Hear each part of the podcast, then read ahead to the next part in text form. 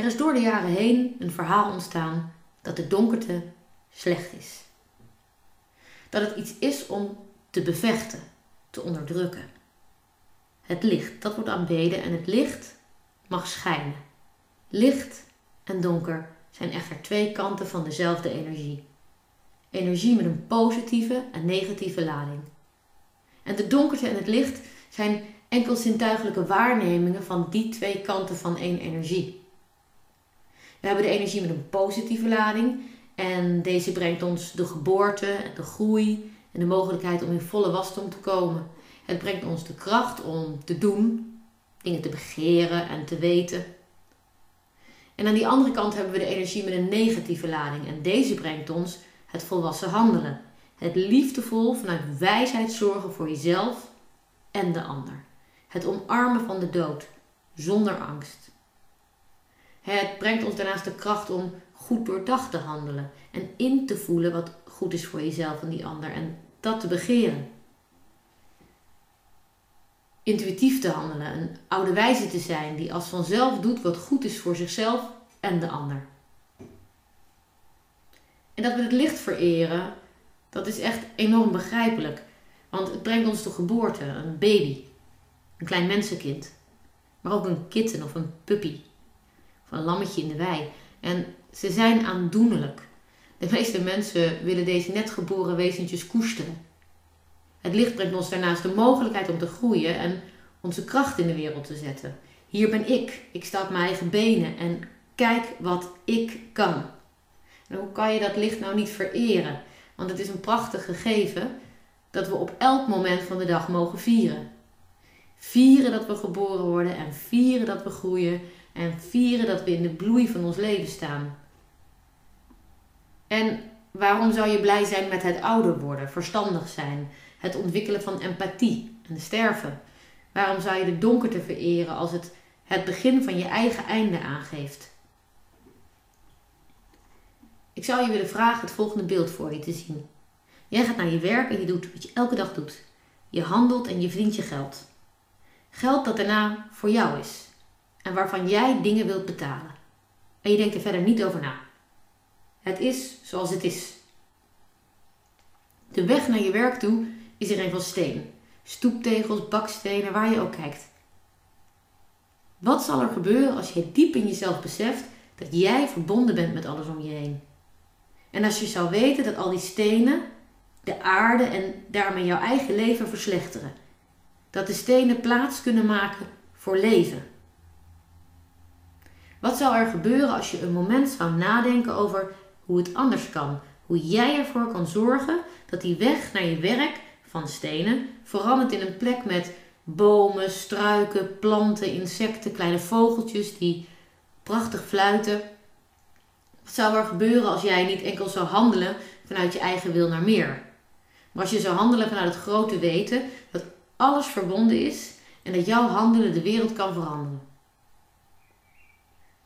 Stel je voor dat, het regelt, dat je regelt samen met je collega's dat die stenen eruit gaan. Dat er planten gaan groeien en dat de weg naar je werk stap voor stap een kleine oase van leven wordt. De stenenweg verdwijnt en het gaat er heerlijk ruiken. De mooiste kleuren worden zichtbaar en de fijnste klanken worden getoverd. En er ontstaat een sensatie van zachte blaadjes en een ruw schors van een boom. Wat zou je dan voelen in je hart als je naar je werk loopt? Begeer je dan enkel nog het geld en wat je ervan kan betalen?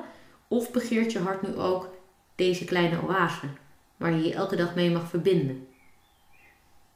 Wat als je nu intuïtief aanvoelt dat dit kleine prachtige stukje leven met jou verbonden is? Dat jij er liefde aan wilt geven en dat je elke dag weer liefde teruggeeft? Wat zou je kiezen? Doorgaan zoals je dat deed, elke dag weer het stenen pad naar je werk bewandelen en dan werken voor geld, zodat je kan betalen wat jij wilt bezitten? Of zou je kiezen om net dit extra stukje leven je leven in te laten komen? Het licht en de donkerte brengt je het grote weten. Dat jij een sterk individu bent en dat je verbonden bent met alles om je heen. En je kan onbewust handelen of bewust handelen vanuit liefde voor jezelf en andere levende wezens. Zo kan je ook onbewust de begeerte volgen of bewust begeren wat liefde brengt voor jezelf en anderen. Je kan enkel weten dat je een sterk individu bent die verbonden is met alles om je heen, maar je kan het ook intuïtief voelen en erdoor worden gedragen. En jezelf ernaar gedragen. Dus wat wil jij? Enkel het licht of wil je het hele leven? Het licht en de donkerte. En nu kan het zijn dat je het helemaal niet met mij eens bent. Dat je geen enkele waarde ziet in het verhaal dat ik net vertelde. En dat mag. Ieder mens is uniek en heeft zijn of haar eigen visie op de wereld. Dus misschien wil jij je liever richten op je eigen krachten. Wil je doen en begeren. Je voornamelijk richten op je eigen leven en de ontwikkeling van je individu. Maar zelfs dan kan de energie met de negatieve lading niet weggezet worden, niet worden onderdrukt en niet worden verketterd. Want deze energie zorgt voor jouw lichaam, jouw ervaring van leven en alles wat je zintuigelijk waarneemt. Door de energie met de positieve lading kennen we voor. Door de energie met de negatieve lading kennen we achter. En zo kennen we boven en onder en rechts en links en hard en zacht en dus licht en donker. En als we dit niet zouden kennen, hoe zou jij dan kunnen zijn? Hoe gaat je lichaam er dan uitzien? Je lichaam zou helemaal niet bestaan. Jij zou dus niet bestaan in deze materiële vorm. Daarnaast zou de ervaring van het leven niet bestaan. Door de energie met de positieve lading kennen we de dag. Door de energie met de negatieve lading kennen we de nacht.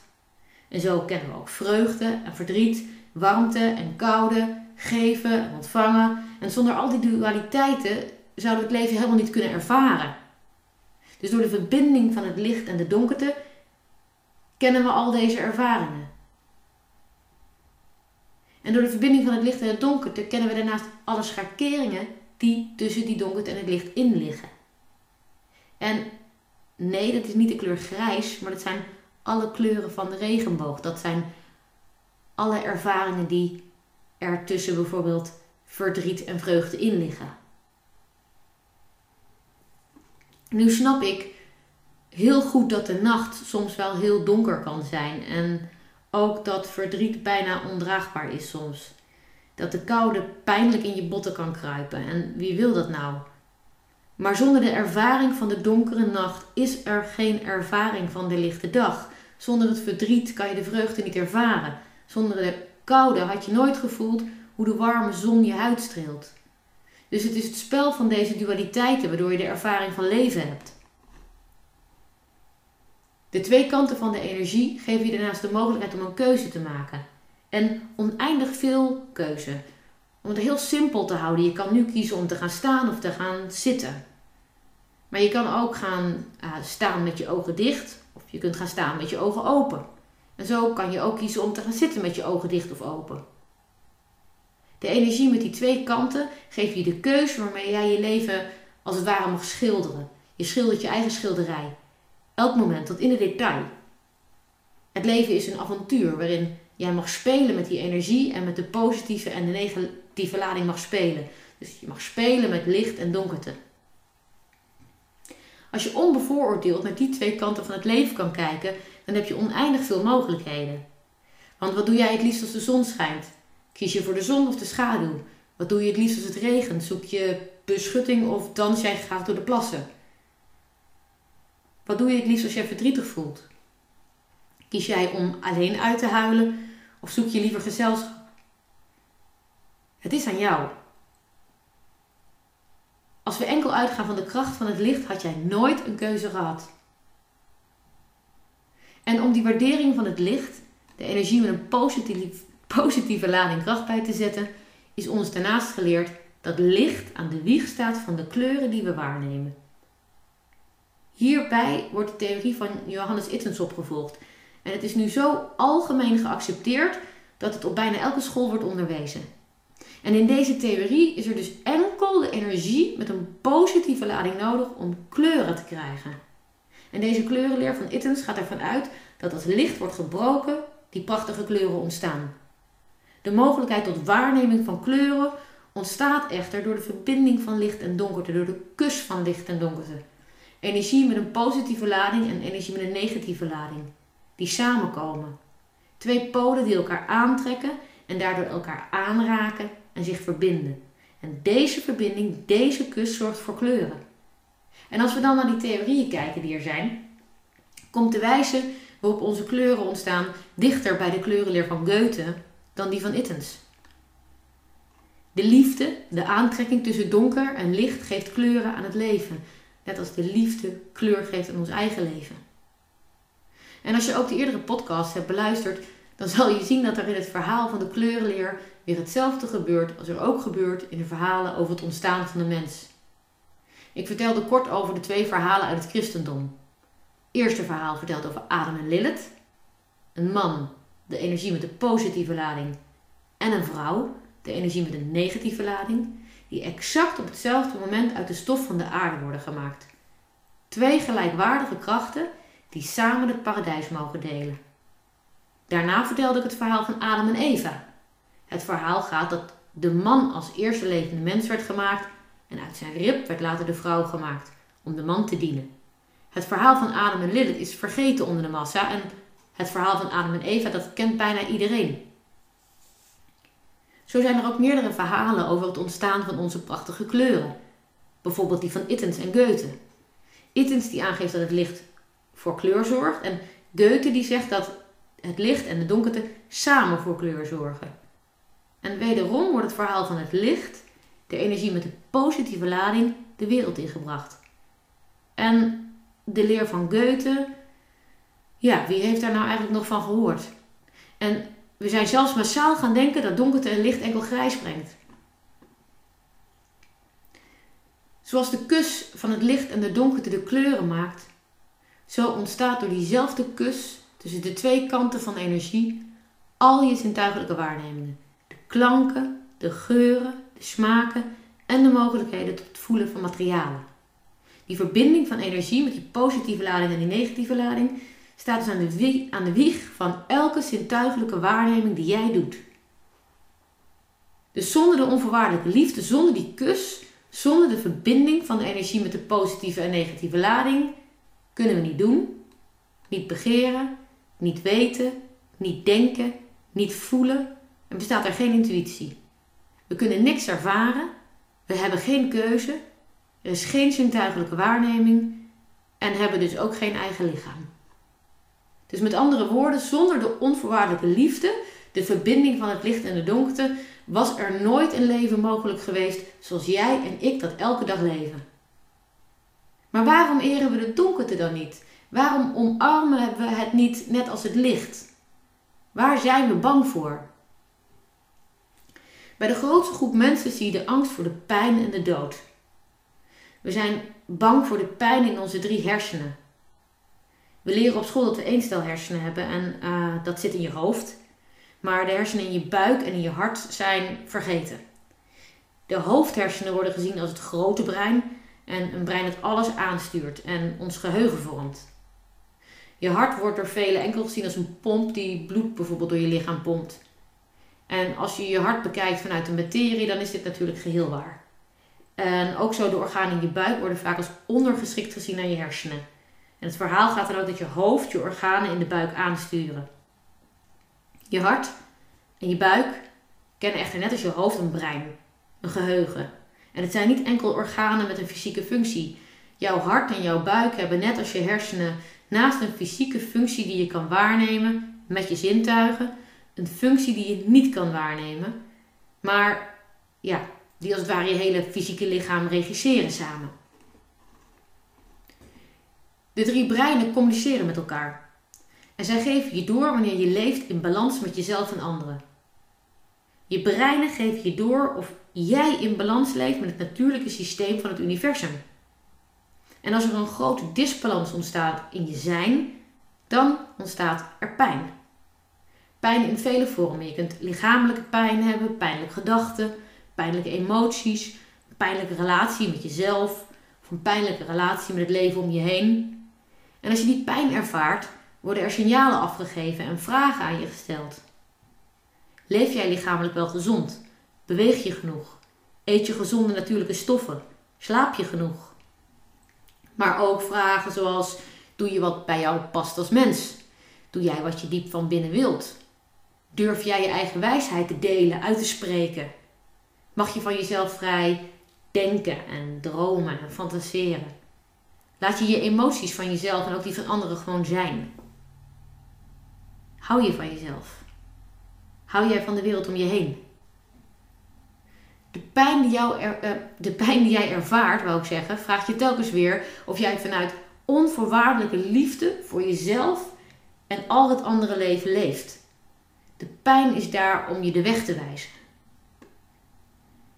We hebben collectief geleerd dat we maar één brein hebben. En daar gebeurt het. En dat brein in ons hoofd heeft de wetenschap omarmd. En die wetenschap, die is geweldig.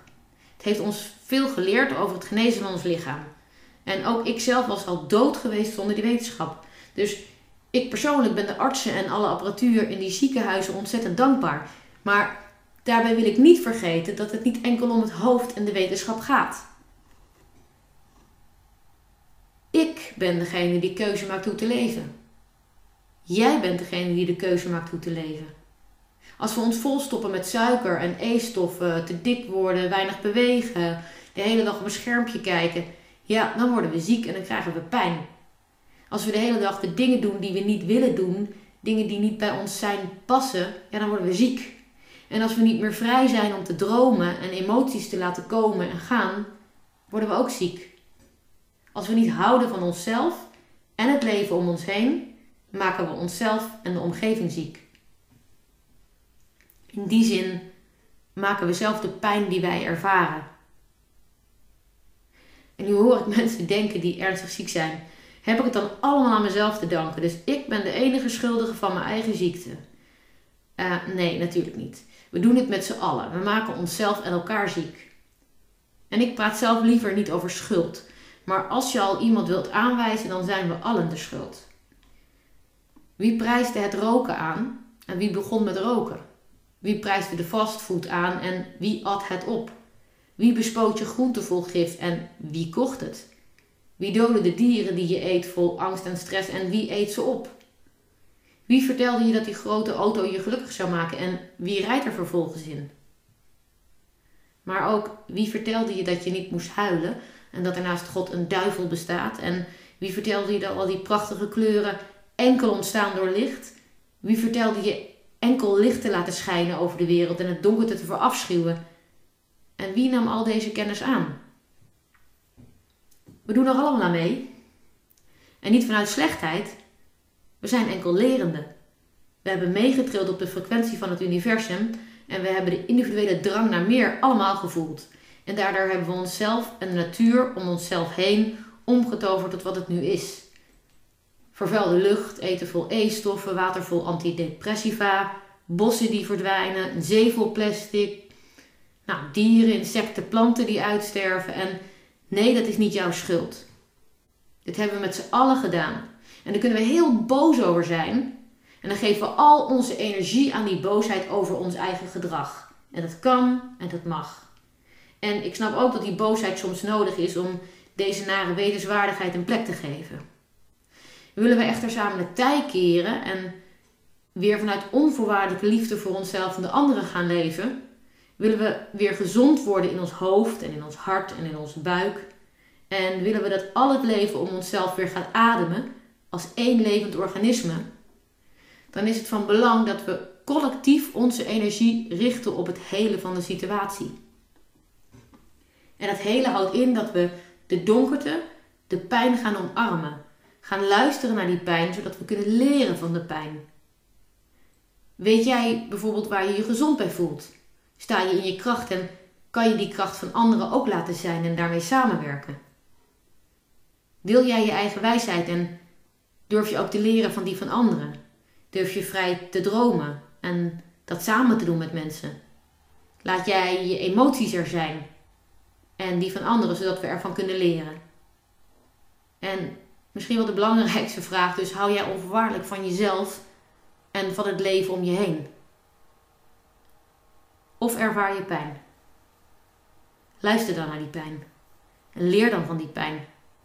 Zodra jij leert van je eigen pijn, hoe jij als uniek mens de onvoorwaardelijke liefde kan voelen voor jezelf en al het leven om je heen, heel je jezelf en de hele wereld. Je heelt het hele universum.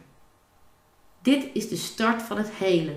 Van de bossen, het vieze water, het eenzame hart van die oude man achter het raam en de ziekte in het lichaam van je ouders of van je opa of oma. De angst voor de pijn houdt ons tegen daadwerkelijk onszelf en anderen te helen. Het is daarom juist tijd om de angst voor de pijn los te laten, het donkere deel van het leven volledig te omarmen. Maar dan blijft er nog een grote angst staan: de angst voor de dood. En laatst vroeg iemand me: kunnen we de dood tegenhouden door collectief als mensheid het proces van het sterven te helen? En het mooie aan deze vraag is dat het antwoord tweeledig is: nee, we kunnen het lichamelijke sterven niet stoppen. We kunnen het proces van het universum niet veranderen. 3, 6, 9 zullen altijd blijven zijn. De geboorte van de materie, dus ons lichaam, het leven en het sterven van ons lichaam. Het is als een uitademing en een inademing. In, uit, in, uit. Het gaat gewoon door. Wat echter het mooie is van dit gegeven is dat het direct ook laat zien dat de dood helemaal niet bestaat. Natuurlijk wordt het lichaam oud en sterft ons lichaam. Mijn eigen lichaam laat dat ook zien. Maar het is enkel de materie die straks gaat. Mijn energie is oneindig. Mijn energie wordt geboren in een lichaam, leeft in een lichaam, sterft en wordt weer vrij. Mijn energie is een in- en uitademing. En momenteel ben ik een inademing. Het universum ademt nu mijn energie weer in. En dat is een langzame, rustige inademing op het moment. En op een dag stopt mijn lichaam. En dan ben ik geheel ingeademd. Er zal een moment rust zijn en dan, zoals elke ademhaling, gaat de lucht gewoon weer stromen en nu er weer uit. Dan wordt het weer een nieuwe uitademing.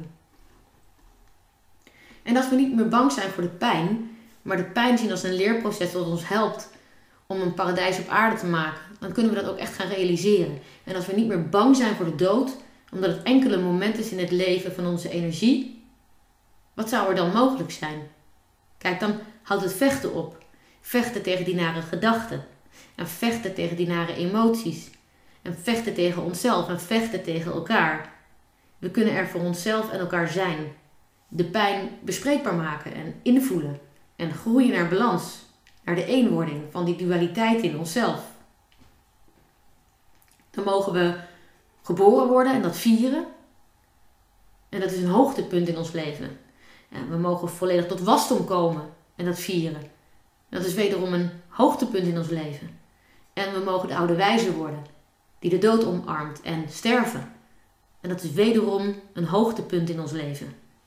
We mogen de drie, zes en negen omarmen en ze vieren. Het brengt de diepste onvoorwaardelijke zelfliefde die er is. Daarnaast mogen we de kracht van ons zijn delen vanuit onvoorwaardelijke liefde naar anderen. Het kleine kind dat de vrijheid, het dromen, de fantasie brengt en de vrijheid die alles vernieuwt. De jongvolwassenen die al die nieuwe dromen kunnen realiseren op onze aarde. En dan de oude wijzen, die daar zijn voor het delen van de levenswijsheid, empathie en de liefdevolle raad.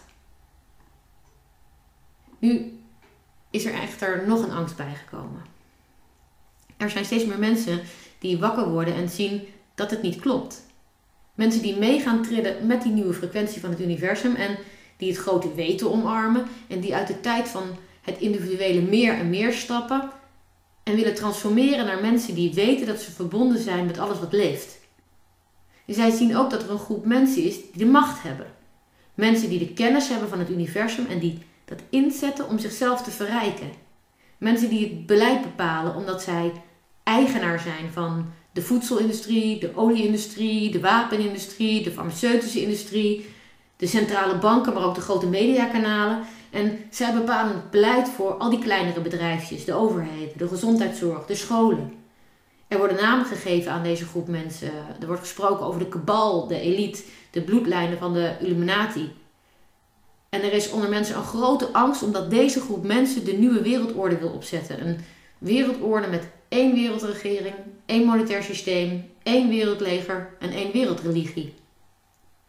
En die angst is enorm goed te begrijpen. Deze groep mensen bestaat en Ja, ze ervaren het vuur in elk deel van hun zijn. Het vuur leidt zo op in deze mensen dat het een onmogelijke taak wordt om het vuur in zichzelf te blussen. Nu zij ervaren dat de tijd van de grote transformatie toch daar is, zetten ze alles op alles om de transformatie te bestrijden. Ze hebben het coronavirus aangegrepen als excuus. Excuus om het cashgeld af te schaffen, mensen te verbieden om zich te verbinden, een anderhalve meter samenleving op te bouwen, de kunst- en cultuursector, de sector die al eeuwen de kritische nood brengen, in een faillissement te storten. En zo kunnen we wel even doorgaan. Maar waarom bang zijn? Waar dient angst voor? Angst is daarom je voor werkelijk gevaar te waarschuwen. Sta je op een top van de berg te wankelen naast kilometers diepte, dan zegt die angst je dat je beter een stapje achteruit gaat uh, maken. En je verbinding dus met die plek waar je staat te verbreken en je lichaam te verplaatsen, te transformeren. Een ander voorbeeld, bijvoorbeeld je hebt een gesprek met iemand die het niet goed met je voor heeft, dan zegt die angst je om de verbinding te verbreken met deze persoon. Je energie te verplaatsen, te transformeren. En wat zegt de angst nu? De angst zegt dat het tijd is je energie los te maken van de vijfde, levensfase van het universum. Los te maken van de individuele drang naar meer en meer. Je los te maken van de dromen die voor je ogen neergezet worden door anderen. Je energie los te koppelen van de groep machtigste mensen. Je energie als het ware te verplaatsen. Want alles wat jij aandacht geeft, groeit. Alles wat wij aandacht geven, groeit. Dus als jij je aandacht verplaatst naar een proces waarin je werkt aan je onvoorwaardelijke zelfliefde en de liefde voor alles om je heen, dan heb je geleerd van de angst. Je hebt geleerd dat je een vrij mens bent. Een mens dat zelf bepaalt aan wat of wie die zich verbindt. Een mens dat zelf bepaalt hoe en met wie de toekomst te vormen. De machtigen op aarde, welke naam je ze ook wilt geven, verliezen vanzelf de macht, omdat het universum sterker is dan een mens of dan een groep mensen. Los van de angst kan jij die kracht van het universum in elke ademhaling voelen. Die ademhaling brengt zelfs onvoorwaardelijke liefde naar die groep machtigen op aarde. Want zij zijn niet de donkerte, ze zijn niet slecht. Ze zijn enkel de voorlopers die het vuur als eerste hebben gevoeld. En nu het vuur zo hoog is, kunnen ze het niet meer blussen.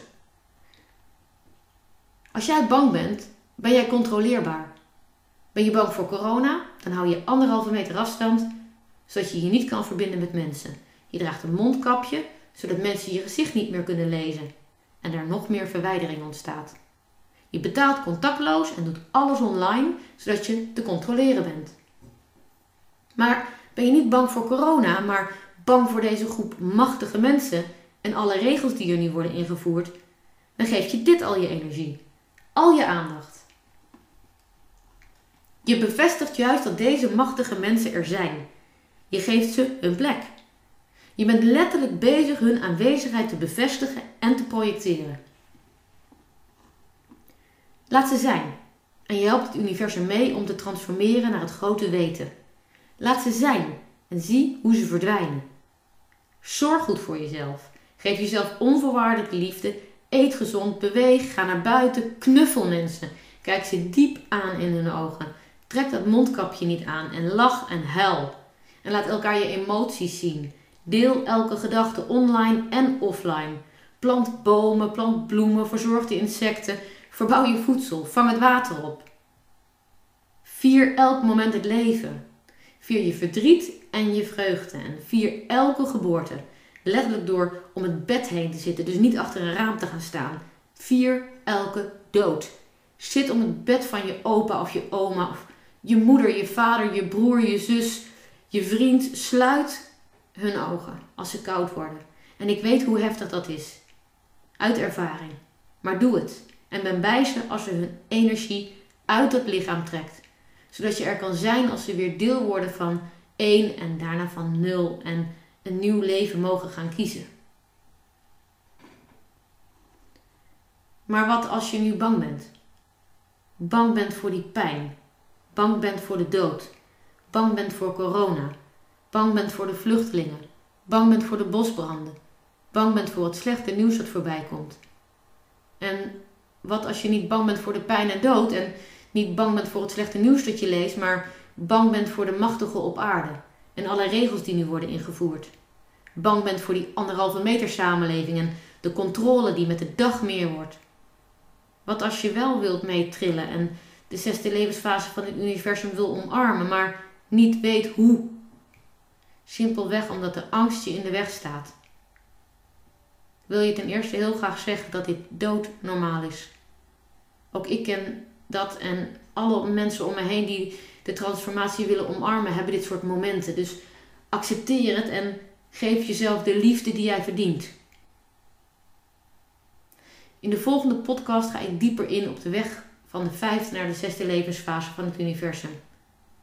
En we gaan dan voornamelijk in op het loslaten van de angst en het omarmen van die onvoorwaardelijke liefde voor jezelf en alles om je heen.